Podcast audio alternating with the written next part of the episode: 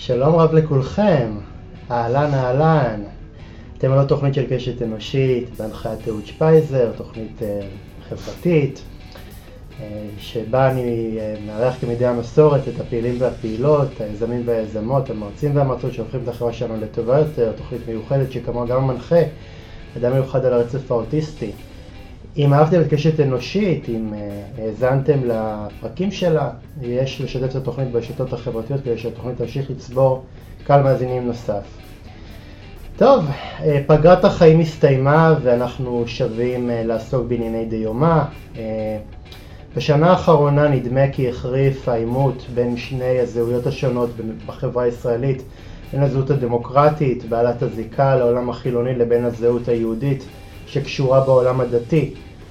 בעוד החרדה ששוררת בציבור מהרפורמה במשפט שתחליש את סמכות בית המשפט העליון ותחזק את הצביון היהודי כאן במדינה, יש כאלה בציבור שעדיין משוכנעים שהמדינה עדיין יכולה להיות יהודית ודמוקרטית מבלי לחוש סתירה בין הערכים שנראים לנו כיום רחוקים מתמיד. בשביל להראות שהערכים הללו לא חייבים בהכרח לסתור אלת, אלא אני גאה להציג את קשת אנושית להפעם. וממייסדי מיזם הקונגרס הישראלי, מיזם חברתי משותף של קרן מנומדין ואוניברסיטת בר אילן, הפועל לצד מרכז מנומדין למשפט יהודי ודמוקרטי בפקולטה למשפטים באוניברסיטת בר אילן. מטרתו לספק מענה למתח המתמשך בין זהותה היהודית לזהותה הדמוקרטית של מדינת ישראל באמצעות uh, תהליך ציבורי רחב היקף של בניית הסכמות. עוד מידע לאורח הוא פרופסור מן המניין בפקולטה למשפטים של אוניברסיטת בר אילן הוא בעל תואר ראשון במשפטים ופסיכולוגיה מאוניברסיטת בר אילן.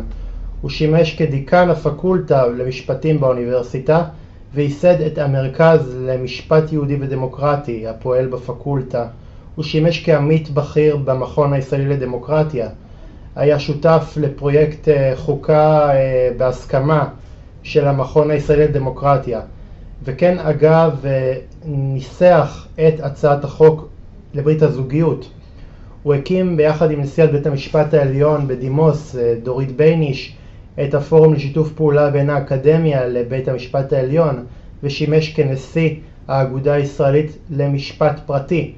הוא מרצה מבוקש בארץ ובעולם, הכרה שזכתה, שזיכתה אותו במספר פרסים, פרס על שם יעקב נאמן למאמר המצטיין, מלגת אלון, פרס רוטשילד, מלגת פולברייט, פרס בהט לספר הטוב ביותר ופרס הרקטור למרצה המצטיין. האורח שלי הוא פרופסור שחר ליפשיץ, שלום שחר. שלום מאוד, תודה על ההקדמה המחמיאה. כן, טוב, האמת היא ששחר בשביל באמת להקיף את כל, ה... את כל פועלך היה צריך לפחות שתי תוכניות כי... ו... וגם זה לא היה מספיק כי באמת הרבה מאוד פעלים באמת גם חברתיים, אקטיביסטים וגם תארים אקדמיים, הרבה מאוד, ו... ורציתי לשאול ככה, מה, מה הפרויקט שאתה הכי גאה בו? וואו, איזה... אני חושב שהפרויקט שאני הכי גאה בו הוא פרויקט שאנחנו עובדים עליו כרגע, וזה הפרויקט של תפקיד בית המשפט בבניית הסכמות. בעצם, תחשוב על זה בצורה הבאה. יש לכל אדם מערכת של שרירים, נכון? אתה יודע, אני לפני כמה שנים התחלתי להתאמן בחדר כושר, וגברים, יש להם את הנטייה הזאת שהם ישר הולכים למשקול... למשקולות הכבדים האלה בחדר כושר. ואז יום אחד אמר לי אחד המדריכים, בוא תיכנס ל... דווקא לאיזה שיעור סטודיו. ואני נכנס לשיעור סטודיו, ואני רואה שם משקוליות כאלה של 2-3 קילו ואני מזלזל. ואז מתברר שזה ממש ממש קשה לי השיעור, ואני מהתלמידים הגרועים בכיתה. מתברר שיש כל מיני שרירי ליבה ושרירי חלקים בגוף שאנחנו לא מודעים לקיומם. אותו דבר זה החברה הישראלית.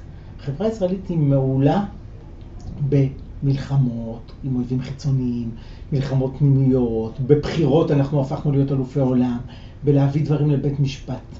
לעומת זאת, שריר בניית ההסכמות.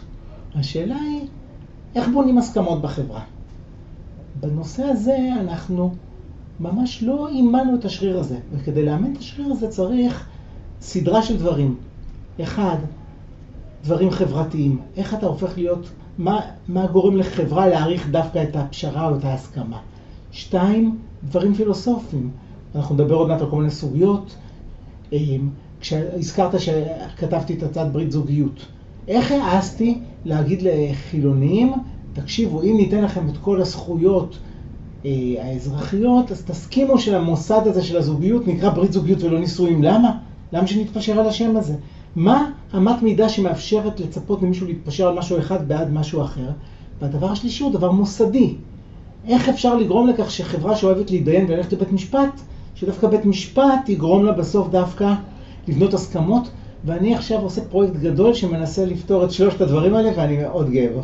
אבל אתה יודע, יש, יש מין תחושה שתמיד הישראלים נמצאים במין איזשהו סוג של קרב אין, אינסופי, כאילו תמיד, תמיד רבים, תמיד uh, מתקוטטים בינם לבין עצמם, זאת אומרת אין לנו יכולת ברמה, ה, ברמת היומיום שלנו לשבת ולגבש אה, הסכמות ושכולם, כולם יצאו, יצאו מרוצים ויגיעו לאיזושהי נקודה, נקודת אמצע, לא, לא להסכים ב...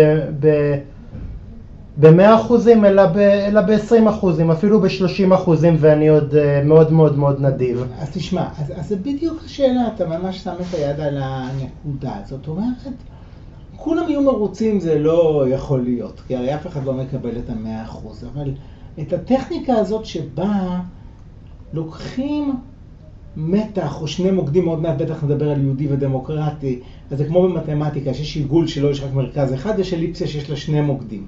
נכון? אז בעצם, איך אנחנו, אמ, איך אנחנו בעצם חיים בעולם שיש בו שני מוקדים, ומצליחים איכשהו ככה לאזן ביניהם, לא באופן שאחד מכריע, שאחד, כל, כל הזמן זה נראה באמת, ש... הנה, הימין ניצח בבחירות, וואו, הלך על רפורמה שאומרת אנחנו עכשיו נביס את הצד השני. עכשיו דרך אגב קורה תהליך קצת הפוך.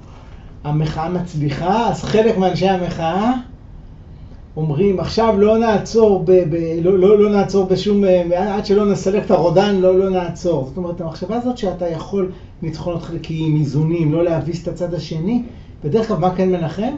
שאתה, דווקא אני לא רוצה להיכנס לפוליטיקה במובן הצר, אבל אני כן חושב שזה שבני גנץ עולה בסקרים, כי הוא מבטא או משקף לישראלים סנטימנט שאומר, זה לא התבוסה של הצד האחר, יש בו גם וגם, יש לו יכולת לחיות עם אנשים. כן. אז אה, שחר, אה, בוא, בוא נתחיל אה, בשאלה באמת, שבאמת בשנים האחרונות היא הפיל שבחדר והיא מפצלת את, ה, את הציבור הישראלי. האם האופי, שחר, האם האופי הדמוקרטי והאופי היהודי של המדינה יכולים לדור זה לצד זה בהרמוניה בלי המחלוקות ששורות אה, מעל הסוגיה הזאת? תראה, אז אתה ממש ככה באמת שם את היד על הסוגיה. קודם כל, צריך להבין שזה כמו שאתה בא לבן אדם עם גן ואומר לו, האם אפשר לחיות עם הגן הזה? כאילו, יש בגמרא סיפור כזה ש... אה, שעושים למישהו משפט רצח, ואז בא הרוג ברגליו. אז אתה אומר, אז כאילו, מה...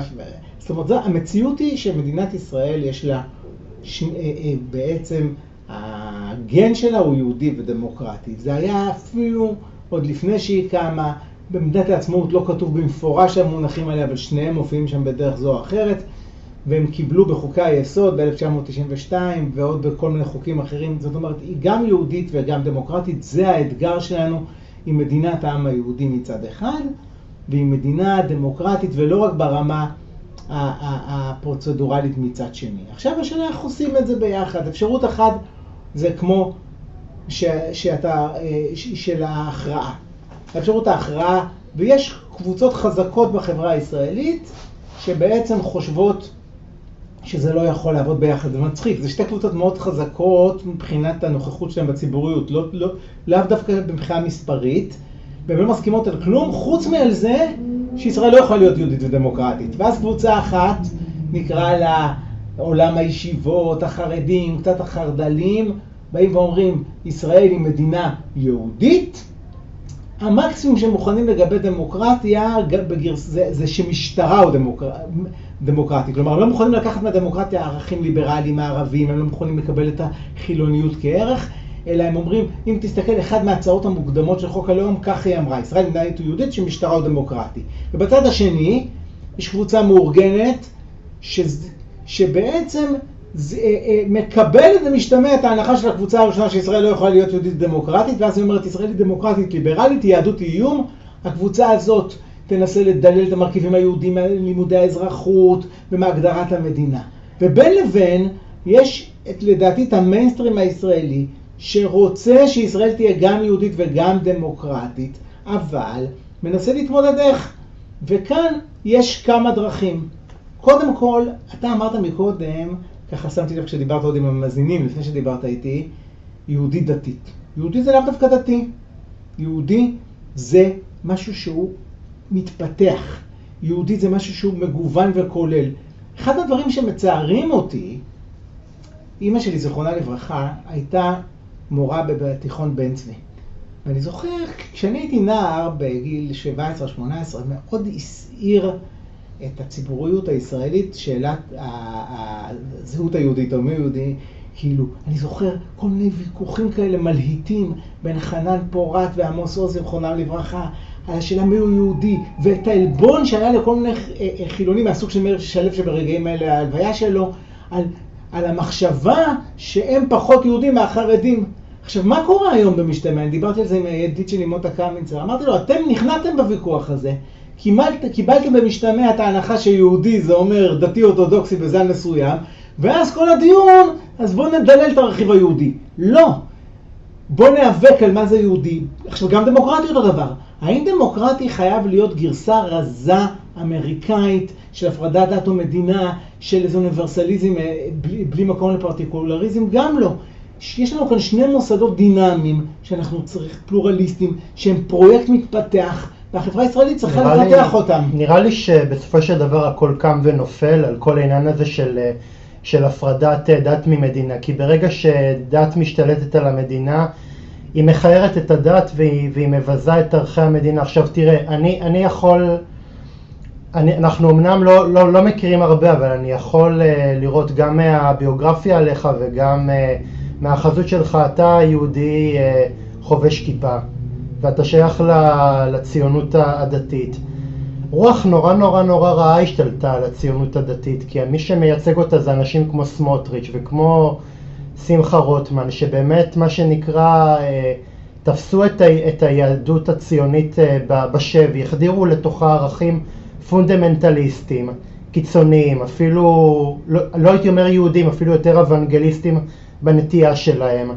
ו, ובאיזשהו מקום, כי, כי, הראו את, את הערכים האלה, ו, ואתה יודע, אני, אני מכיר, אני מכיר יהודים חובשי כיפה כמוך, דתיים, ליברליים, שהעולם המושגים שלהם הוא לא עולם מושגים של כפייה ושל, ושל הדתה. מה, מה, מה קרה? למה, איך, איך נוצר היצור כלאיים הזה, פורום קהלת ו, וכל האנשים המשיחיים האלה שיש להם התגלות משיחית שבאיזשהו מקום כלאו את, את, את הציונות הדתית ושמו אותה בת ערובה.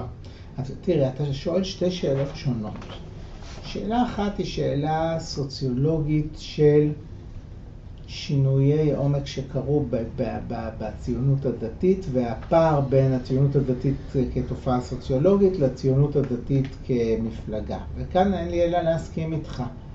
אני חושב שבמונחים של דיני תאגידים, אני בסוף משפטן, אז אה, מפלגת הציונות הדתית עשתה השתלטות עוינת על המותג או על החברה, הציונות הדתית. הציונות הדתית היא, היא לאורך שנים התגאתה שהיא, שהיא בעצם אה, מחברת בין היהודית לדמוקרטית, היא המחברת בין הציבורים השונים במדינת ישראל, היא מסוגלת להבין גם את החרדים וגם את החילונים, היא שותפה של החרדים במניין בבית הכנסת ושותפה של החילונים בהליכה לצבא.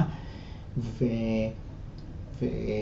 ומכבדת באופן עמוק את, אה, ושותפה גם באורח החיים, האורח החיים של, שלנו הוא מצד אחד דתי, אבל מצד שני הוא ליברלי, מערבי, ובמובנים האלה קרה כאן תהליכי עומק, באמת, אני חושב, קהלת וסמורטית זה שני דברים שונים קצת. באמת יש כאן איזשהו, אה, אה, שתי מוטציות הייתי אומר. מוטציה אחת היא באמת יותר אה, הלכתית, משיחית, מזלזלת מאוד בזכויות אדם, מזלזלת בדמוקרטיה המהותית והליברלית ו... ו, ו, ו ואפילו מזהה בה איזה אויב, לא רואה את הערכים הטובים שיש בה של שוויון, של כבוד האדם, של חירות. הגרסה השנייה היא באמת הגרסה של קהלת, שהיא לא דווקא גרסה של מדינת הלכה, אלא יותר גרסה מיובאת מארצות הברית, פתאום מאוד שמרנית, שמרנות משפטית, שמרנות כלכלית. דרך אגב, יש מתח מסוים בין הגישות האלה, אבל הם ביחד. והייתי אומר שהציונות הדתית הקלאסית, אנשים נניח, אם ראית, שלמדו בישיבת הארץ ציון, נניח בישיבות ההסדר, חלק גדול מהם, אה, הם, הבורגנות הציונות הדתית, הם לא מוצאים את עצמם יותר. מבחינה פוליטית הם מתפזרים במקומות כמו המחנה הממלכתי, יש עתיד, אה, אה, חלק העבודה, והם כאילו מתאבלים על מה שהם... על, על, על זה שבעצם uh, המחנה הזה שהם היו כל כך גאים בו ושהם ראו, תחשוב שהיום שליש מהקצינים, קציני החי"ר בצבא הם בוגרי החינוך הדתי. בעצם uh, קרה כאן איזה מוטציה. אז במישור הפוליטי אני מאוד מסכים איתך. לגבי השאלה של הפרדת דת ומדינה, אז צריך יותר להעמיק בזה, אהוד. כי כשאתה אומר צריך להפריד דת ומדינה, יש כאן כמה שאלות.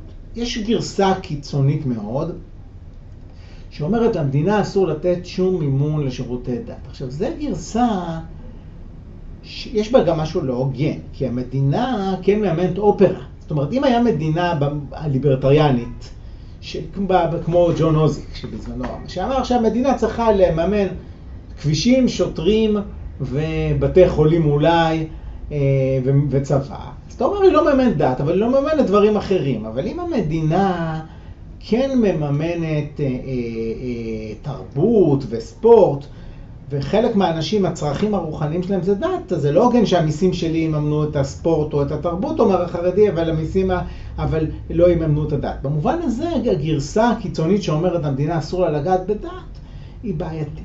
הגרסה שאתה צודק היא גרסה של חופש דת.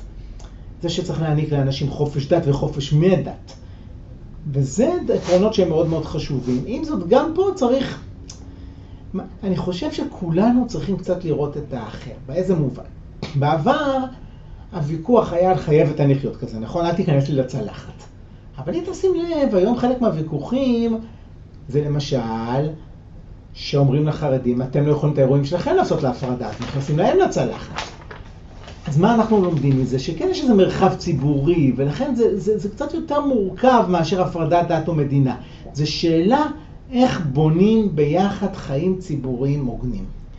אז אה, שחר, אתה מדבר כאן על, אה, על חיים ציבוריים הוגנים, ואני רציתי לשאול אותך, איך החיכוכים האלה בין הזהות היהודית והדמוקרטית באו לידי ביטוי בעימות רב השנים בין בג"ץ לבין הרשות המבצעת?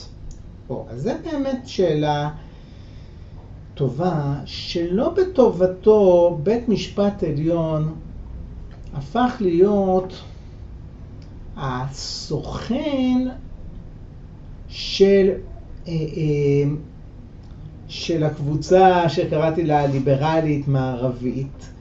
וכאן בעצם אני, אני חושב ש, שאנחנו מאשימים את, את הבג"ץ, אבל האשמה היא בחברה הישראלית. אתה יודע, זה נורא מעניין.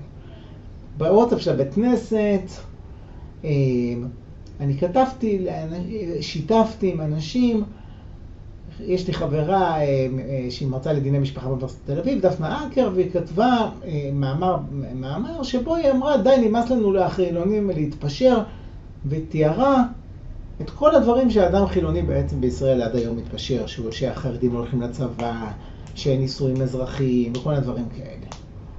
ואז אומר לי מישהו מהבית כנסת, מה הם מדברים, הם יכולים להתחתן בקפריסין. אמרתי לו, אבל אתה לא מבין. א', אתה לא רואה את ההשפלה ואת חוסר הצדק שאתה יכול להתחתן והמדינה שלך מכירה בזה והוא צריך ללכת לקפריסין, אבל דבר שני, זה לא שבחוק כתוב שהוא יכול להתחתן בקפריסין. את זה סידר לו בית משפט עליון שעכשיו אתה רוצה לסרס. כן. זאת אומרת, בעצם מה שקורה פה זה שאנחנו אה, אה, עושים חוקים שבלתי אפשרי לחיות איתם.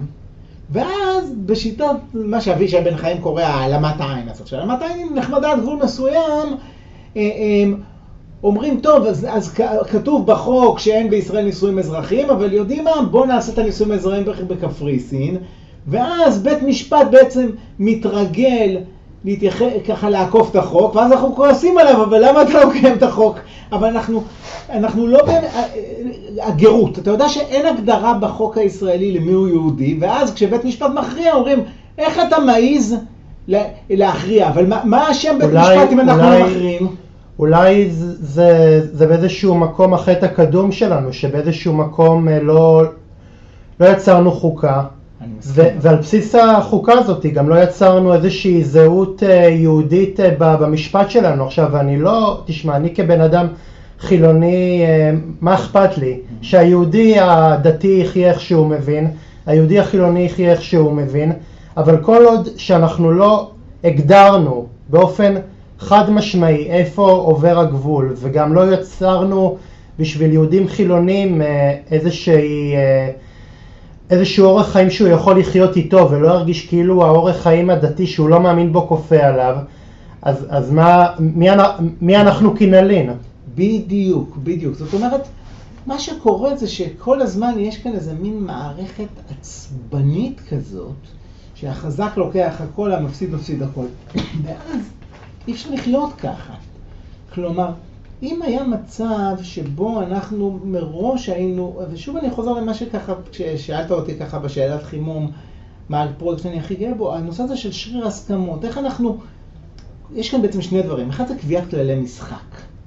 מה שהיה חמור מאוד בגרסה המקורית של אה, הרפורמות, עוד מעט נדבר על הרפורמות אני מניח, אבל זה שבעצם זה איזה מין שינוי קיצוני של כללי המשחק. צריך להחליט על כללי משחק וצריך איזושהי מערכת איזונים שבה כל צד מבין שגם כשהוא מנצח הוא לא לוקח את הכל.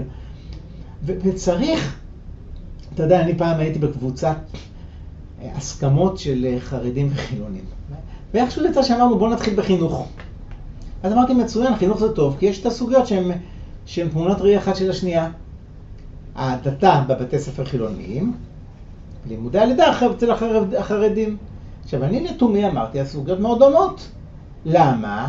כי בעצם מצד אחד גישה שאומרת כל אחד במתחם שלו אומרת אל תכפה על אלה לימודי ליבה ואל תכפה על אלה לימודי יהדות וגרסה שאומרת שלכולנו אחריות מסוימת אחד לשני אומרת זה יהיה זרם ממלכתי יותר דתי וזה זרם יותר חילוני, אבל גם פה יהיה קצת יהדות וגם פה יהיה בכל זאת אה, לימודי ליבה, וצריך לקבל את ההכרעה. מה הדהים אותי? שש... ש... שהיו הרבה אנשים בשתי הקבוצות שנעלבו מההשוואה, ולא הבינו אותה בכלל. בא אליי בן אדם חרדי ואומר, תגיד, אתה נורמלי? במדינה יהודית הזה יכול להיות שלא ילמדו יהדות בבית ספר, זה הרי ברור מאליו, ולעומת זאת ליבה, מי, מה פתאום שיגידו לי איך ללמד את הילד שלי? הוא לא רואה את האנלוגיה. בא אליי בן אדם חילוני ואומר, אני ממש לא מצליח להבין את זה. כשמדובר על אה, אה, לימודי יהדות, זה כפייה דתית. כשמדובר על ליבה, זה כדי שיהיה כאן מינימום שהוא יוכל לעבוד. אמרתי לו, אבל מה עם אזרחות? הוא אומר, כן, זה בשביל שהוא יוכל לחיות בדמוקרטיה. אז כולם צודקים, אבל בסופו של דבר, ההבנה הזאת שתהיה אמפתי לאחר, כשאתה רואה כמה לאחר קשה, כשאתה מתערב, כשאתה רואה כמה לך קשה, כשמישהו רוצה להתערב לך. בגרעין הקשה של איך שאתה מחנך את הילדים שלך, אז תבין גם כמה לא קשה. ומנגד, כשאתה מבין שאי אפשר לצפות ממך להגיד, בחצר של האחר אני לא מסתכל בכלל, אז תבין שגם לגיטימי שהוא יסתכל לך בחצר. את ההבנות האלה של האמפתיה, של ראיית האחר, את זה אני חושב שאנחנו צריכים אה, אה, להבין בצורה יותר עמוקה. שחר, אה, כיצד אפשר, לצד החשש מפגיעה בזכויות הפרט שאותם חשים אזרחי ישראל נוכח הכפייה של בית הדין הרבניים על אורחות חיים, למצוא פשרה שתשלב בין שני הערכים, היהודים והדמוקרטיים. דרך אגב, הזכרת מקודם את עניין הנישואים אה, בקפריסין. אני חושב שאנשים, גם, אה, גם הומוסקסואלים, גם אה, יהודים שרוצים להתחתן עם, עם, עם גויים, עם גויות, סליחה, לא היו מאושרים מהם אילו רק היו מוצאים איזשהו פתרון ל, ל, לעניין ברית הזוגיות. אז, אז כאן אתה ממש מתפרץ לדלת פתוחה. בשנת 2000, אני דוקטורנט צעיר בפקולטה למשפטים בבר אילן, מתמנה שר משפטים, אני ממש אספר לך סיפור אמיתי מלפני 22 שנים. מתמנה דוקטור יוסי ביילין, ש, ש, שהוא לא משפטן, הוא, הוא דוקטור למדע המדינה של מפלגה שהיום נכחדה למרבה הצער, אבל אז הייתה מאוד גדולה, מרץ, יש לה 12 מנדטים. ותראה דבר מעניין, איזה איש רציני הבן אדם. הוא מתמנה לשר המשפטים, הוא פונה לדיקן הפקולטה למשפטים בבר אילן, זה גם דבר מעניין. בר אילן של היום, מאז שאני הייתי דיקן, יש בה חצי דתיים, חצי חילונים, גם בסטודנטים, גם במרצים, יש היום גם הרבה מאוד סטודנטים ערבים, מאוד מגוון, אבל אז היא לא הייתה מגוונת. אז היא הייתה מזוהה יותר כאוניברסיטה דתית, עם אוריינטציה ימנית. והוא פונה אליהם, והוא אומר לו, אני רוצה השתלמות בנושאים משפטיים, ואחד מהאנשים זה אני שבתור דוקטורנט צעיר נפגש איתו, ואנחנו ביחד רואים שהמצב הוא בלתי נסבל בנושא נישואים וגירושים, אז הוא אומר לי, אוקיי, אז מה הפתרון? הוא ממש שולח אותי למצוא את הפתרון, והפתרון שאני בא אליו זה בדיוק הרעיון של ברית זוגיות, שאומר בוא נעשה שני מסלולים. מצד אחד, אנשים דתיים התחתנו בנישואים דתיים, ובגלל הנושא של ממזרות, אני לא רוצה להיכנס לטכניקה, מי שהתחתן בנישואים דתיים ובחר בזה, אז הוא יצטרך גם להתגרש בגירושים דתיים, כי אחרת תהיה כאן בעיה מאוד חמורה, כי האישה עדיין תהיה נשואה מבחינה דתית. אבל מי שלא רוצה או לא יכול להתחתן בנישואים דתיים, היהודי והלא יהודי, הבני זוג מאותו מין, סתם בן אדם שלא רוצה להתחתן ברבנות, יעשה פרוצדורה אזרחית בישראל, לא יתבזה ללכת לקפריסינית, בישראל, כמו בכל העולם אצל ראש העיר, יקבל את כל הזכויות האזרחיות, זה יהיה מסודר, כשהוא ירצה להיפרד, הוא ייפרד באותו מקום שהוא, שהוא עשה את זה שם. הוא רק יצטרך לחתום את תצהיר שהנישואים האלה לא נישואים על פי ההלכה, ולכן גם הוא לא צריך להתגרש. ואני בדקתי עם רבנים, זה היה עובד. כי אם היית עושה את זה בצורה נכונה, אז זה לא היה עכשיו נישואים על פי ההלכה, והם לא היו צריכים להתגרש. ומכל מיני סיבות זה עד היום לא התקבל, וזה היה כל כך דוגמה למשהו ש... שאני לא אומר שאין לו מחירים מסוימים, כמו שרמזתי מקודם, אפשר, החילוני יכול להתעקש ולהגיד למה שלא יקראו לזה נישואים, הדתי יכול להגיד אבל אני מפסיד פה משהו בסטטוס קוו, אבל בשורה התחתונה זה, זה דוגמה לזה שאפשר למצוא פתרונות שהם טובים גם על פי ההלכה, גם מבחינה של זכויות אדם, צריך רצון טוב. ואתה, ואתה למד שבאיזשהו מקום יש איזשהו, איזשהם קבעונות, חשיבה מאוד מאוד מאוד מקובעת, לא, לא, רק, לא רק אצל החרדים, אלא גם אצל אה, קובעי המדיניות בצד, ה... בצד החילוני. אצל כולם. תקשיב, זה אצל כולם. מצד אחד, נניח, אני חושב שגם בנושא הזה של הגיור וגם בנישואים והגירושים הדתיים היו צריכים להתפשר ופשרה כזאת הייתה יכולה להיות טובה. מצד שני, תחשוב על הנושא הזה של החמץ שהסעיר אותנו עכשיו. הדרך הייתה מפותלת. מאוד מפותלת. מה פתאום לחטט לאנשים בתיקים, זה בלתי מתקבל על הדעת. מצד שני, הפסק דין של בית המשפט, שאומר שלא משנה איזה בית חולים מדובר, אם זה, ב, אם זה, אם זה, אם, אם זה בבני ברק או בשכונה החרדית בנתניה, לא רק שאי אפשר לחטט, אלא גם אי אפשר לתלות שלט, אסור להכניס לפה חמץ ולהגיד אנחנו מבקשים פה להקפיד על פסח, זה גם לא הגיוני. צריך לכבד אה, גם מרחבים שונים. ולכן החוק הסופי שהתקבל הוא חוק סביר, חוק שאומר המנהל של הבית חולים, הוא יחליט על המדיניות, אסור לחטט, מותר להגיד שבמקום מסוים אסור, אבל צריך לתת אלטרנטיבה. וזה העצוב, שבגלל הדרך, כשאני רואה את ה, בפייסבוק את המנהל, את הקמפיין הזה שאומר עכשיו אני אכניס חמץ דווקא לבית חולים, זה באמת נכון כאילו לבוא ולהתעקש בעצם על, אה, על זה שלא יהיה שום מרחב מוגן בעצם שבו גם אדם דתי ירגיש בסדר, או כשבג"ץ בזמנו היה אה, את הקטע הזה שאסרו על זמרת, כאילו אתה מבין, זמרת חרדית שלא תשאיר בפני גברים, אתה אוסר עליה לשכור מעירייה אה, לשיר, אה, לשיר במקום נפרד. זה אני באמת, זה אני באמת לא, לא, לא, לא מסכים. אני, אני חושב שבאיזשהו מקום יש מידה מסוימת של... אה, דתיות בליברליות. לא, לא, לא, לא דתיות וליברליות, אבל אתה יודע, אנחנו באיזשהו מקום, הליברליות הזאת ובאיזשהו מקום לקדש את המושג חיה ותן לחיות, זה, זה באיזשהו מקום... גם לאפשר לקהילה חרדית אה, לא, תראה, אני חושב שאנחנו באיזשהו מקום, גם בטון שלנו, מכניסים הרבה מאוד, אה, כאילו באיזשהו מקום,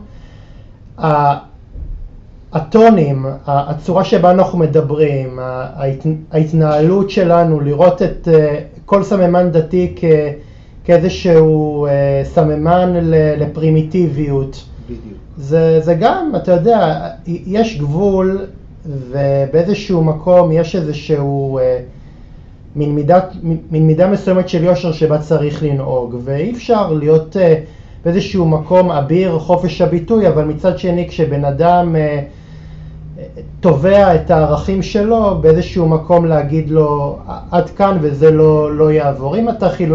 אם אתה ליברל, תהיה ליברל עד הסוף. וואו, אני חותם בדיוק אתה, לא יכולתי להגיד את זה יותר טוב. אה, דרך, אה, שחר, תחום נוסף שסופג קיתונות של ביקורת זה יחס המדינה כלפי אזרחים שמבקשים להתחתן אה, שלא לפי בית הדין הרבני שנשאש בידי הפלג האורתודוקסי ביהדות. רציתי לשאול אה, כיצד אפשר באופן מעשי לשחרר את השליטה של הרבנות באופן שבו אנשים בוחרים להתחתן כאן בארץ מבלי לפגוע בעת ובעונה אחת בציבור הנפש של המפלגות החרדיות כאן בארץ? אז כאן חד משמעית, הרעיון של ברית זוגיות פותר גם את בעיית בתי הדין הרבניים וגם את בעיית הנישואים. ואני אומר לך, אני הצלחתי להגיע בנושא הזה של הברית זוגיות להבנות עם הרב מידן ועם הרב בקשיל דורון זיכרונו לברכה ועם הרב רוזן זיכרונה לברכה, כלומר, לא רק עם הרבנים, נקרא לזה הרבנים הדתיים השמאלנים הקלאסיים, אלא אפילו הרב מלמד בהיבטים מסוימים. יש כאן פתרון, שיהיו שני מסלולים, מי שרוצה שיהיה לו את הנישואים הדתיים, את בתי הדין ואת הגירושים הדתיים, מי שלא רוצה, יהיה לו מערכת אזרחית מכובדת על ידי המדינה. כאדם דתי, אני אומר לך, זה הדבר הנכון למדינת ישראל. ו- ואתה, ומי עד היום תקע את זה? אז אני אספר לך סיפור, זה נורא מעניין. כאן אתה רואה, אתה מקבל ממני לא רק דעות, אלא גם קצת עובדות, כי פה ושם אני הייתי בחיים הציבוריים.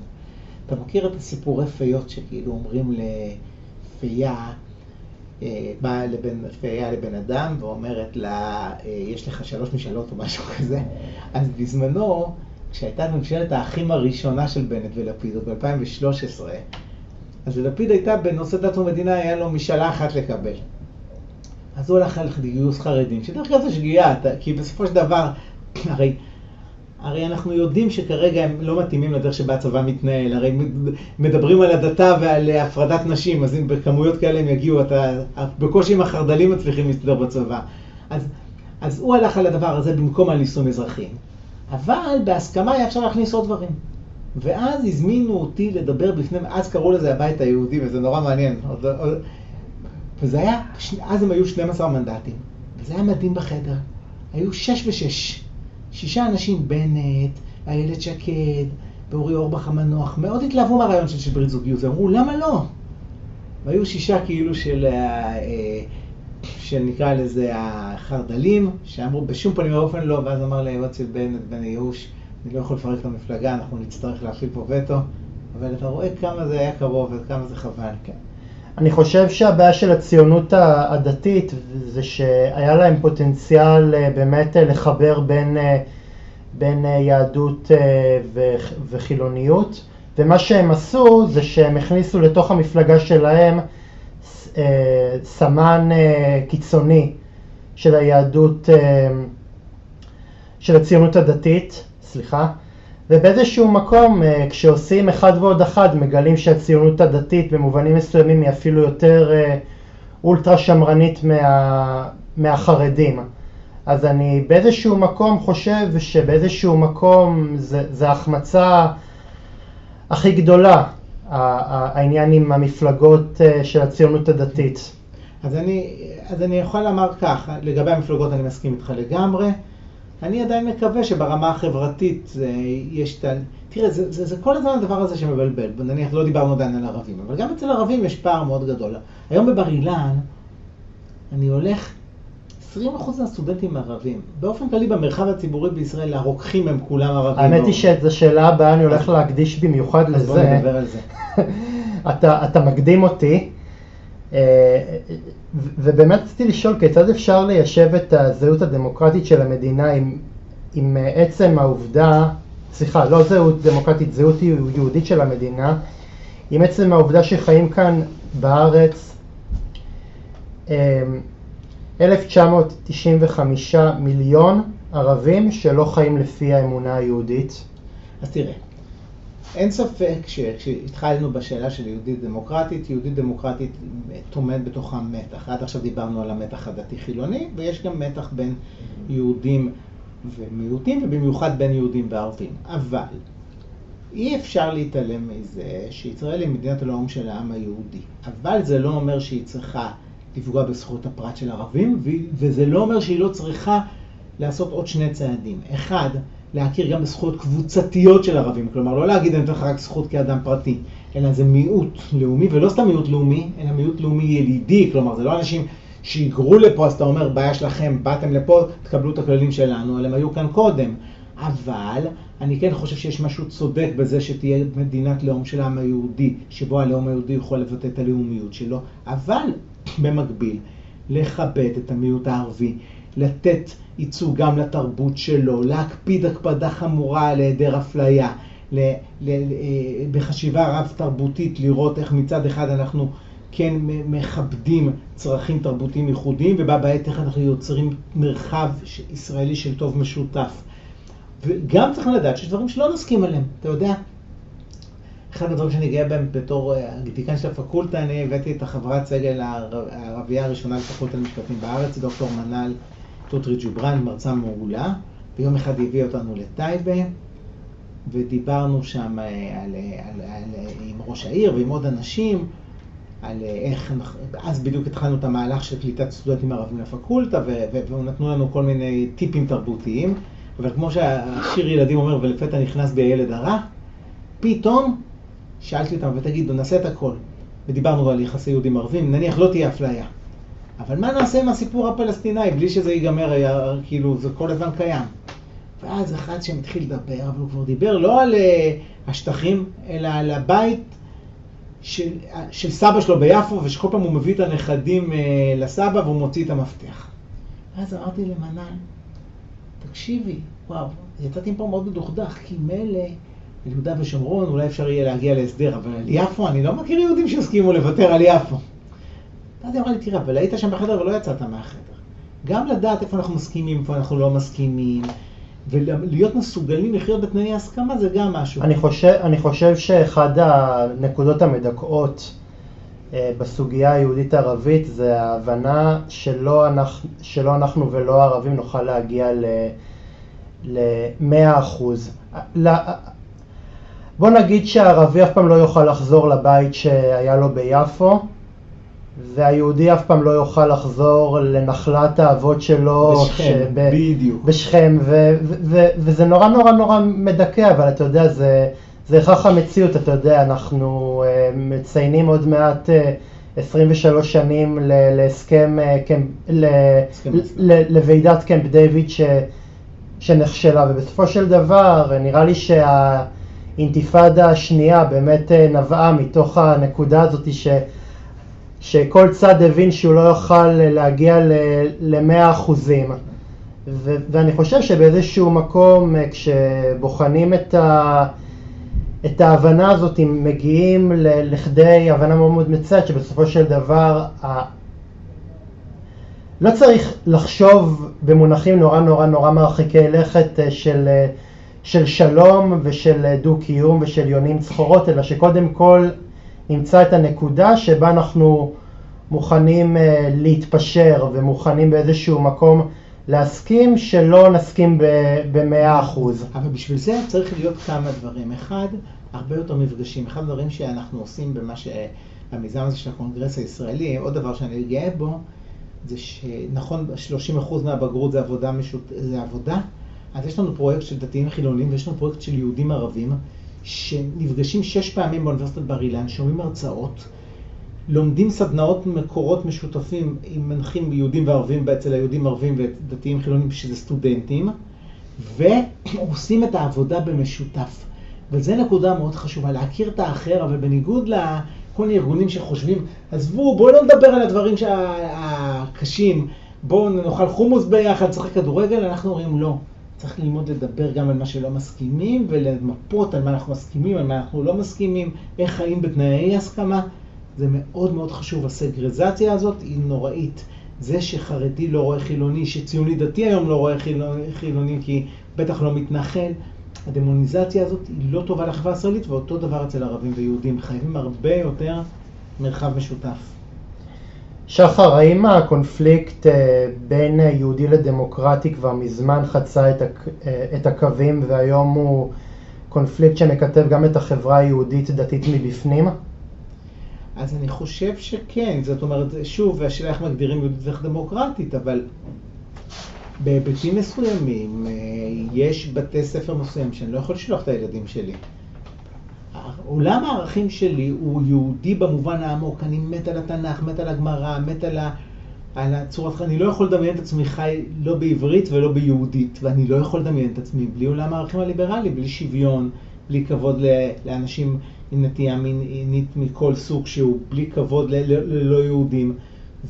ומבחינתי זה חלק עמוק משתי הזהויות שלי, זה לא שאני צריך להתפשר איתך, אלא, אלא זה זהות כפולה, ויש אנשים בציונות הדתית, כמו שאמרנו, שבעצם ויתרו על הרכיב הזה, ולצערי יש אנשים בציבור החילוני שוויתרו על ההיבט היהודי בזהות שלהם, ובתור בן אדם שגם המשפחה שלו שייכת לכל העולמות האלה, וגם הזהות שלי חיה את כולם, אני פשוט, זה לא אופציה מבחינתי להגיד, אז אני משליך אחד מהם. אתה, אתה יודע, נראה לי שזה, שדווקא השיחה הזאת מביאה אליי את התובנה ש, שאנחנו נורא נורא נורא מקדשים את ערך ההסכמה ושוכחים שערך הפשרה הוא אפילו הרבה יותר חשוב מערך ההסכמה, כי, כי, כי בפשרה אתה לא, אתה לא מסכים במאה אחוזים, אבל, אתה, אבל בוא נגיד מביאים אותך לכדי מצב שאתה יכול לחיות ב, בשלום עם איזשהו ערך מסוים שאתה יודע שאתה, שבמידה מסוימת הוא קצת מונע ממך את, ה, את האוטופיה, אבל באיזשהו מקום אתה יכול לחיות איתו, ואנחנו לא מספיק מאמנים את, את שריר הפשרה מספיק, לדעתי. בדיוק, זה שני, זה שני דברים. אחד, זה להבין שגם יהודי וגם דמוקרטי זה רחב, וכשאתה נחשף לאחר פתאום אתה כן מסכים איתו בדברים שלא חשבת, אבל עדיין לא להשלות את עצמנו. לעולם לא נוכל להסכים במאה אחוז, בהבנה איך חיים בלי הסכמה, איך מתפשרים, איך, מה, מה חייבים לפתור כפתרון יציב כדי לא לחיות בחיים עצבניים, מה, מה לעשות עודנות נקודתיות, את כל זה אנחנו חייבים, חייבים ללמוד לעשות. שחר, כיצד הדיון המתבקש לעיצוב המשפט היהודי נעשה רלוונטי כיום ברוח הרפורמה שממשלת ישראל מנסה אה, לקדם במערכת המשפט?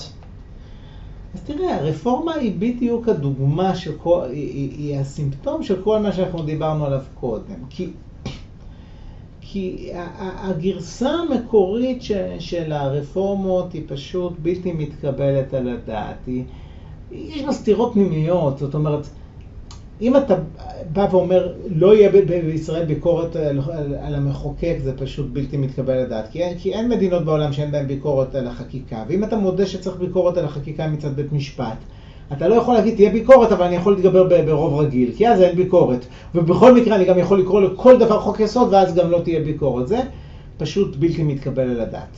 בה בעת, אני חושב, ש... בית משפט שלא בטובתו מחליט בנושאים מסוימים שאין צורך שבית משפט יחליט בהם, הוא לא אמור להחליט בשאלות ערכיות. נושא כמו גיוס חרדים, תראה, אם אני ואתה, ואתה אהוד נדבר על גיוס חרדים, שנינו נסכים שזה לא פייר ולא בסדר שהחרדים לא הולכים לצבא. שנינו נסכים שכרגע ברמה הפרקטית אי אפשר יהיה כנראה לגייס אותם בכוח. ולכן צריך פ... אה, פתרונות אחרים. כולנו נסכים גם שהבעיה הבוערת של ישראל כרגע אצל חרדים זה לאו דווקא הצבא, לזה שהם גם לא יצרנים ולא עובדים, ואנחנו דוחקים אותם לזה, בזה שבגיל 26 הם חייבים להיות בישיבה, כי אחרת נכריח אותם ללכת לצבא. עכשיו, מתוך זה, אני ואתה נדבר על זה, נגיע לכל מיני פתרונות. אני עד היום, אני עד היום שחר, לא, לא מבין ותהרוג אותי, למה אנחנו מכל הסוגיות הבוערות, מכל האתגרים ש, שישראל אה, מתמודדת איתם, דווקא העניין הזה של גיוס בחורי ישיבות זה מקבל קדימות, בדיוק. ולא דברים אחרים. זה, זה, זה, א', אני מסכים איתך. זה מטריף אותי. א', אני מסכים איתך, אבל בוא נשאר רק רגע בסוגיה הזאת. עכשיו, אני ואתה יכולים לחשוב על, פתרון, על הפתרונות ולהתווכח. אחד יגיד, תקשיב, לא, זה לא בסדר, שוויון זה חשוב ואנחנו לא יכולים לוותר עליו. אחד יכול להגיד, תשמע, כהוראת שעה, בואו נפתור אותם לגמרי מהצבא, אבל שילכו לעבוד. עכשיו, את הוויכוח הזה אני ואתה יכולים לעשות, והפוליטיקאים יכולים לעשות, ובית משפט יכול לעשות. אין פה ערך מוסף לבית משפט. לא, זה לא הגיוני שדווקא בית משפט יכריע בו. לעומת זאת, כשמדובר על זכויות של ערבים או מיעוטים, פה אני לא סומך עליי ועליך, לא עליי ועליך באופן אישי, אלא על חברי הכנסת, כי ערבים הם מיעוט. שם אני חייב לתת לבית משפט לבקר. בואו נשאיר לבית משפט את המקום שיש בו את הערך המוסף. הערך המוסף של בית משפט זה הגנה על זכויות מיעוטים ושמירה על עקרונות משטריים. לעומת זאת, עם כל הכבוד, אם יש נושא, אפילו אני אגיד משהו שאולי יטריד. בן גביר. אני, אני מהמר, כמו שאתה קודם אמרת עליי, אני אאמר עליך, אני מהמר שאתה חושב שזה מאוד עצוב שבן גביר הוא שר במדינת ישראל, ובטח שר לביטחון פנים. גם אני מאוד לא אוהב את זה. אבל תגיד לי, מה יוצא מזה שבית משפט עכשיו דן בשאלה האם סביר למנות אותו? הרי לא אתה ולא אני מעלים בדעתנו שבית משפט יכולים להגיד, אם הוא חלק מהממשלה, ואם אותו בית משפט קבע שעוצמה יהודית יכולה לרוץ לכנסת ושהוא, אז חלק מלהיות בכנסת זה להיות בקואליציה ולהיות שר. זה נושא שבו יש כללי כשירות בחוק, ובית משפט מכניס את עצמו סתם לבימה הפוליטית, לבוא ולהגיד, חברים, זה עניין פוליטי, אנחנו לא יכולים לעשות את זה. עכשיו תראה מה יקרה. הוא ידון בזה, הימנים יתעצבנו, אבל בסוף הוא ייתן הכשר שייתן סוג של לגיטימציה. אני חושב, אני חושב, אה, ש... אני חושב שהבעיה של בג"ץ, ו... ופה אני, אני חלילה לא רוצה שיכניסו אותי לקטגוריה של תומך רפורמה, אני לא תומך ברפורמה, אבל אני חושב שגם בג"ץ לקח לעצמו סמכויות שהן לא לא. ואני, ואני, ולדעתי זה קצת להיזכר באיחור, כי בן גביר כבר מונה לשר, לשר ה... לביטחון פנים, אם אני אוהב את זה או לא אוהב את זה, זה כבר לא, לא עניין רלוונטי כי הוא כבר מונה. היה צריך אה, לפני המינוי שלו לקיים את כל הדיון הזה. עכשיו, הרי בן גביר הוא, הוא פרובוקטור, הוא עשה את כל הקריירה שלו מפרובוקציה, הוא סתם בא כדי לעורר, לעורר מדנים. את, את הקהל שלו, הקהל שלו מן הסתם אה, ימשיך למחוא לו כפיים, הקהל שלנו ימשיך אה, להקיא בפה כל פעם שהוא רואה אותו. זה, זה, אין, אין בזה שום טעם, זה כמו שהשופטת אה, חיות אמרה שאין, אה, ש, שאין פסול בכך שנתנ... שראש ממשלה עם שלושה כתבי אישום אה, ימשיך לכהן. אני לא אוהב את זה, אני גם לא חושב שהציבור אוהב את זה, אבל... בדיוק, וזה, אתה עדיין מאוד הגון, בדיוק, זה לא שאתה תומך רפורמות, וזה בדיוק הנקודה החשובה. היה גרעין של אמת בזה, כמו שאמרת, שבית משפט הרחיב את הסמכויות. את זה אפשר וצריך היה לתקן. הנה, אם דיברת מקודם על הסכמות ופשרות, שם היה אפשר להגיע ב-20-30 אחוז דברים של הסכמות שכולנו היינו מסכימים. אולי להתפשר על עוד קצת, אבל בין זה לבין המ... הדבר הנורא הזה שקרה, איזה חוסר שכל, איך הם בעצם באו ומי... טענה נכונה, בית משפט יש לו יותר מדי כוח, בואו נתקן את זה, הפכו את זה למשהו שהוא לא מתקבל על הדעת, שבעצם שידרה לציבור שלא בחר בהם, תקשיבו, בעצם הם הולכים למחוק אתכם, וגרמה כזאת אה, מהומה שמדינת ישראל מתקשה להתאושש ממנה, פשוט איוולת. תקשיב, אני גם חושב ש... שזה גם בא, בא שלא בטובתם, תראה, הרי אה, לא, לא מספרים לנו גם בתקשורת את האמת, אתה יודע שאחד מהיועצים הכי קרובים של נתניהו נסע לשליחות להונגריה ולפולין כדי ללמוד איך שמה, באמת? איך ש...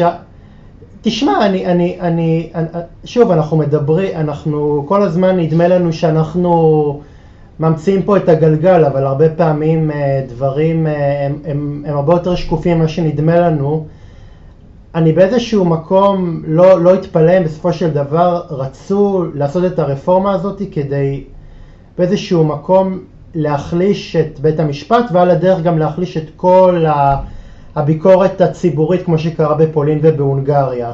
אז זה אני, אני, אני גם מסכים, יש כאן כאילו קואליציה לא קדושה בין עניינים אישיים של נתניהו, בין שלטון שאוהב כוח, בין מפלגות, כל המפלגות הדתיות שחשבו, הנה ההזדמנות בעצם להכניס את כל, כמו ילד בחנות צעצועים, שאין איזה אבא שאומר לו, תקשיב, אי אפשר גם שוקולד, גם סוכריה, יכאב לך הבטן.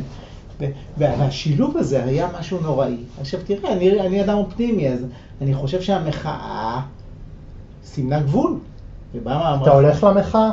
אני הייתי בהפגנה הראשונה של המחאה. אני הייתי מהמארגנים של היות שאוצר עשה את זה באוניברסיטת בר אילן, אני נאמתי בהוד השרון. בשלב מסוים אני הלכתי יותר על הכיוון של מתווה הפשרה, כי אני מאוד פחדתי מהכיוון שהמחאה מתאהבת בעצמה. ברגע ש... שהימין דחה את המתווים, אז אני חזרתי למחאה, אבל עכשיו אני שוב חושב שצריך לעצור ולראות מה יקרה. אסור להתאהב במחאה. או בוא נגיד דבר כזה, גם אם יגיעו לפשרות לגבי ההסדרים המשפטיים, מי שלא אוהב את הממשלה הזאת צריך להמשיך למחות נגדה, זה, זה מצווה וחובה. אבל צריך להבחין בין, נקרא לזה צעדי קיצון, לבין מחאה לגיטימית. אני חושב שכבר לא משנה מה, מה הממשלה הזאת תעשה, גם אם היא תעשה שמיניות באוויר וגם אם היא, אה, גם אם היא תתרפס ואני יודע מה, ותשחרר את כל, ה, את כל הרפורמה הזאתי, עדיין זה כבר לא יעזור כי היא כבר באיזשהו מקום טיפסה על עץ גבוה מדי שכבר מה שהיא לא תעשה, אנשים אה, לא זה, יאמינו לה. אבל אהוד, זה בדיוק ההבדל. חסימת כבישים, מרד מיסים ואיום בסרבנות הם אקטים קיצוניים שלגיטימיים כדי ל, ל, ל, רק במקרה קיצון שבה מדינה משנה את משטרה וגולשת דיקטטורה. לעומת זאת, נניח לצורך הדוגמה, יגיעו לפשרה סבירה לגבי הנושא המשפטי, ולא יגייסו חרדים. אז אפשר להתווכח, אני ואתה מסכימים שזה לא הדבר הכי דחוף, אבל יש אנשים שמאוד מאוד כועסים. זכותם לכעוס, אין להם זכות לאיים בסרבנות על הדבר הזה. זה בדיוק מה הטענה שלי. זאת אומרת, כשהממשלה מתנהגת בצורה לא לגיטימית, זה המקרה שבו אפשר להשתמש באמצעי קיצון, אבל אנחנו צריכים להיזהר, לא להתרגל מאמצעי הקיצון הזה. מחאה חברתית היא מצוינת, אבל היא צריכה להיות בדרכים דמוקרטיות. חסימת כבישים. תראה, אני, אני כן, דיברנו מקודם, גם אני וגם אתה לא מתים על האנגליקנים ועל קהלת, אבל צריך לזכור דבר אחד, אני הייתי במכון הישראלי לדמוקרטיה. במשך שנים, הימין כל הזמן אמר, בוא נבדוק מי מממן אתכם, מי, אה, וכל מיני כסף זר, ורצו לעשות חוק שיחייב את כל הארגונים החברתיים להגיד מי מממן אותם, ומוטה קמינצר אמר, זה בעצם דרך לסרס ארגונים חברתיים ואזרחיים. עכשיו, פורצים למשרדי קהלת, מדברים כל הזמן על הכסף שלהם, הכל מתהפך, צריך לזכור, זה מה שדיברנו. אתה מבין שבעצם כל דבר מתהפך. הימין התנהג בצורה, לבנט ול, ולחברים שלו בצורה לא לגיטימית, ירדו אישית לחייהם, עכשיו עושים אותו דבר למנהיגים שלהם, בעצם מלווים אותם לכל מקום. הימין חיפש את הארגוני חברה האזרחית של השמאל, עכשיו מחפשים את שלו, אבל הכל מתהפך פה, וזה צריך להיזהר, כל, כל צעד קיצוני שאתה עושה יכול להתהפך. דיברת מקודם על זה שיצטרכו פעם פשרה בינינו לבין הפלסטינאים. אני מאוד חושש, בהתנתקות בסוף, שורה תחתונה, לא הייתה סרבנות המונית, והיום אם יהיה פינוי שטחים, יהיה קשה מאוד להגיד לקצינים מתנחלים, שהם חלק גדול מהקצינים בצבא, חברים, לא מאיימים בסרבנות. אנחנו כן צריך לשים לב שכל דבר שאתה עושה, בסוף גם יכול להתהפך עליך. שחר, האם אחרי שנים רבות אה, של מחקר בסוגיות כמו דיני חוזים, משפחה וירושה, העברות בין דוריות, זכויות אדם ויהדות ובניית הסכמות במרחב הציבורי, אתה אופטימי בקשר לכוחה של האקדמיה, לשמר את אה, כוחה כמוסד אה, שמבצר את כוחם של ערכים כמו זכויות אדם וחופש ביטוי, או שאתה מוצא את עצמך בימים אלה חרד מתמיד על חופש האקדמי? תשמע, מצד אחד האקדמיה התגלתה בגדולתה בתקופה האחרונה. במשך שנים רבים האשימו את האקדמיה בארץ בכלל והאקדמיה המשפטית בפרט במנוכרות, במגדל שן.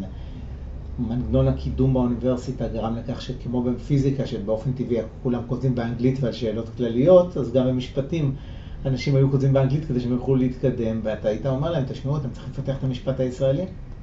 אתה יודע, כשאני הייתי דיקן, היו אנשים באים אליי, מראים לי מאמרים באנגלית, הייתי אומר, מה עם עברית? אמרו לי, אתה הדיקן היחיד ששואל אותנו את זה. בזמן האחרון האקדמיה הישראלית הראתה אכפתיות בצורה בלתי רגילה. אנשים ימים כלילות הלכו להסביר את הסכנות, כל אחד לפי דרכו, אבל היו אקדמאים שתמכו אז הם הסבירו בעד, והיו אקדמאים שהתנגדו אז היו נגד, והיו אקדמאים כמוני שניסו לחשוב על מתווה פשרה, אז הציעו את הדברים האלה. במובן הזה האקדמיה כן התגלתה בגדולתה. מצד שני, שוב זה קשור למה שדיברנו מקודם. חלק מהאקדמיה התרגלה לדבר בקול קולקטיבי, התרגלה כאילו להיות קצת סוכנת מטעם. למשל, מאוד אהבתי ברעיון שלנו את היושר שלך, שאתה לא אומר, כאילו אתה אומר, אני, אני נגד הרפורמות, אבל אני חושב שבחלק מהדברים בית משפט לקח כוח מופרז. אני נגד זה שמדינת ישראל תהיה מדינה דתית, אבל לא בטוח שגיוס חרדים זה הכי דחוף. אתה, אהוד, מוכן לחשוב גם באופן עצמאי, וקצת, דווקא הציבור הליברלי, ואפילו אנשי האקדמיה, יש משהו, אני, שאתם, אני הייתי, הייתי במח, במחאה, מצד אחד אני מזדהה איתה, והייתי כאמור בכמה הפגנות, אבל יש בהם גם משהו מפחיד, בתופים, ב, ביחדנס הזה, שכאילו אנחנו, וגם, ובאקדמיה זה הכי בעייתי. כי אקדמיה זה מקום של חשיבה אינדיבידואלית, של ביקורתיות, של להגיד את האמת בכל מקום שהוא ולא להיות דובר. ובתקופה האחרונה חלק מהאקדמיה הפכה להיות דוברת. דובר, דוברת של המחאה או דוברת של הרפורמות, אבל דוברת, ואקדמיה דוברת זה מסוכן.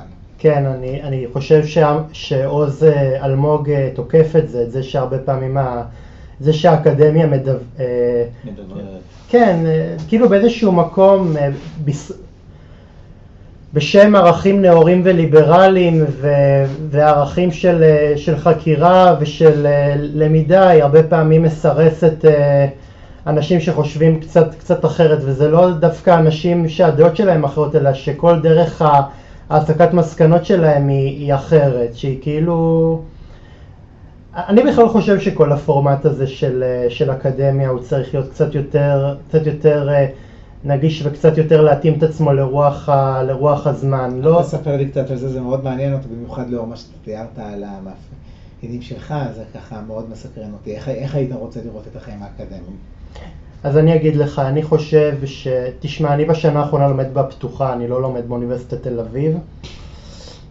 אני חושב שאפשר באמת באמת באמת לוותר על הקטע הזה של מבחנים פסיכומטריים, כי אני חושב שמבחנים פסיכומטריים הם, הם מפלים לרעה קהילות מסוימות, הם יוצרים אה, אי שוויון מטורף בין כאלה שיש להם יכולת ללמוד, ו, ויש כאלה שיש להם באמת יכולת ללמוד, הם באים מבית נורא נורא נורא משכיל, יש להם תנאי פתיחה טובים, לבין אנשים ש... שקשה להם, הם לא באו, מ... הם באו מהפריפריה התרבותית, יש להם בעיות קשב ו... וריכוז וכל התהליך הלמידה הזה הוא עולה להם בדם, לדעתי, לך יש בעיות קשב וריכוז? כן. וואו. ואיך, ואיך אתה מתגבר על זה כשאתה לומד? כי אתה כל כך משכיל, ואני רואה שאתה לומד גם ויודע הרבה דברים. אני... קודם כל זה לא אומר שום דבר, אנשים עם בעיות קשב וריכוז הם אנשים אה, אה, שיש להם דינמיות ו- וגמישות מחשבתית ומה אתה לומד? וחינוך. איזה יופי. די, אני, אני, אני אסמיק, אני לא רוצה לדבר על עצמי. שחר, לקראת סיום, באיזה סוגיה אה, שכיום מקטבת את החברה הישראלית אתה חושש שיהיה קשה עד בלתי ניתן למצוא לה פתרון? וואו. תראה, אני שמעתי עכשיו הרצאה של מיכה גודמן, והוא טען טענה מאוד מעניינת. אני צריך להתלבט אם אני מסכים איתה, אבל הוא אומר שברמה האידיאולוגית אין כל כך הבדלים דרמטיים, כש-70-80% מהחברה הישראלית יכולים להסכים עם מה שאני ואתה הסכמנו איתו ברוב הרעיון. הבעיה יותר זה הקיטוב, השנאה האישית, שאתה רואה בן אדם ואתה כבר מניח עליו את, את כל הדברים. זה הדבר שלא מפריע לי. הקיטוב החברתי, המחשבה הזאת שאתה בעצם לא מכיר את האחר, אבל אתה חושב שאתה יודע עליו הכל ואתה מציג אותו בצורה הכי שלילית אפשרית. וזה דבר, לא יודע, אני כן אספר לך סיפור, דווקא אני רואה שאתה בורח מהאישי. נסעתי לטיול בחו"ל, עם קבוצה כזאת שעושה טרקים ביחד. אבל, אבל לא הכרתי שם אף אחד מראש. דווקא לא רציתי קבוצה של דתיים. אבל כן סיכמתי עם החברה שמארגנת את זה, שביום שישי הטיול נגמר בצורה כזאת שאני אספיק לחזור למלון קודם. ואז בדיוק היה עם איזה מזג אוויר טוב, והמדריך אמר בוא ננסה לעלות על ההר יותר גבוה וזה, באופן ש...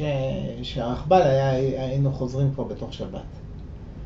אז אה, אמרתי לו אם הוא יכול לתת לי את הכרטיס שלי לחזרה ולהסביר לי איך לחזור. ואז אנשים בקבוצה ראו את זה, הם שאלו, אז הסברתי להם, ואז אמרו, לא, לא, לא רוצים שתפסיד, ואז התברר שאפשר להגיע לפסגה הזאת, אבל, אבל במהירות, וחלק מהאנשים איטיים. והתחלנו לחשוב מה לעשות, והיה איזה פתרון שחלק ילכו לפסגה יותר איטית וחלק לפסגה יותר גבוהה, כאילו האיטיים לזה, ושכולנו נשאר ביחד ונחזור ביחד. וחשבתי על זה, שאם זה היה הופך להיות דיון משפטי, אז מה אני הייתי טוען? טענה של חוזה. הבטחתם לי משהו. ואז אנשים אחרים בקבוצה מה היו אומרים? למה החוזה שלך מחייב אותנו? לנו לא אמרו שיהיו דתיים שנצטרך להתחשב בהם. איך היינו יוצאים מזה? שני חוזים סותרים כאלה. במקום זה עשינו שיח גישורי, וכל אחד רצה להתחשב באחר. ואת זה אני רוצה, איך את החוויה האישית, אני חושב שברמה האישית אנשים כל כך יודעים להסתדר אחד עם השני, אנחנו חייבים להביא אותה למתחם הציבורי. אה, שחר, לסיום, במלאת 75 אה, שנים אה, למדינה, האם אתה חושב שמדינת ישראל תמשיך לפעול במתכונתה הנוכחית, או שכמו שחזו רואי שחורות אחרים, המיזם הציוני יתפצל לשני שעות מנהלתיות, יהודה וישראל? חס וחלילה שהוא יתפצל, הוא לא יכול להתפצל, אנחנו חברה הרבה יותר מגוונת משתי ישויות. בתוך המשפחה שלי יש גם חרדים וגם ליכודניקים וגם תומכי רפורמה וגם חילונים, גם במשפחה ש, ש, כאילו של הילדים שלי וגם במשפחה המורחבת. אז מה, אני אבוא עם דרכון לראות אותם? זה שטויות. אנחנו נצטרך ללמוד לחיות ביחד. שחר, לעונג היה לי לשוחח איתך ואני רוצה לסיים את הפודקאסט בנימה אישית ובנימה קצת עצובה. אה, בחג, בערבו של החג השני של פסח נפטר המשפטן והפרופסור גד ברזילי, אחד ממרואייני העבר של קשת אנושית, גד, אה, מספרים על גד שהוא היה איש אה, נעים הליכות, אדם טוב לב, אדם שגם לרבות התארים שלו פרופסור וראש דיקן, היה אדם צנוע ובאמת אדם עם אישיות לבבית וכובשת. אין לי אלא להסכים, אני ראיינתי את אה, גד אה, לפני אה, שנתיים בדיוק, באחת התוכניות של קשת אנושית, והבן אדם פשוט פשוט הדהים אותי בסבלנות שלו ובטוב הלב שלו, ובאמת למרות שבהתחלה היו לנו בעיות טכניות, אה, גד היה עם כל הסבלנות ועם כל הרצון אה, לעזור, אז באמת אה, תנחומיי למשפחה ולחברים שלו מהאקדמיה. גד הוא מדהים, אני הייתי ביחד דיקן איתו לפני חמש שנים, ודיקנים בארץ יש להם פורום דיקנים, והוא היה ראש הפורום הדיקנים, והוא היה, הוא עשה את זה בצניעות ובמדהימות. ובאופן מאוד עצוב, הכנס האחרון ש- שהייתי בו, אני הייתי בפאנל המסיים וגד היה המנחה והייתה לנו אינטראקציה נהדרת, והוא אמר לי אחר כך כמה הוא שמח שהצלחתי להגיע לכנס הזה, ואז הוא לקח ידידה שלי בטרם בבית שלה, הוא לא הרגיש טוב, הוא נסע לבית חולים, איבד את ההכרה ומאז הוא נפטר וזה נורא נורא עצוב. גד, כמוני וכמו הרבה מאוד אנשים אה, ש... שעבדו איתך והיו, אה, והיו אה, סטודנטים שלך, אני כמובן מאוד מאוד מאוד אתגעגע, ולמרות שההיכרות בינינו הייתה קצרה, אתה תחסר לי מאוד. אז זהו, רציתי לנצל את הדקות האחרונות של הפודקאסט כדי uh, להיפרד uh, ממך ובאמת uh, להקדיש את הפרק הזה uh, לזכרך. Uh, אז uh, יהי זכרך ברוך. וזהו, עד כאן קשת אנושית להפעם, אני הייתי אהוד שפייזר, אתם הייתם על קשת אנושית, אם גם אתם רוצים לקחת חלק בתוכנית שלי, נצרו איתי קשר למספר הטלפון 050-353-1729, כמו כן גם למייל אהוד ג'ימל נקודה קום, תודה רבה ולהתראות. להתראות, תודה רבה.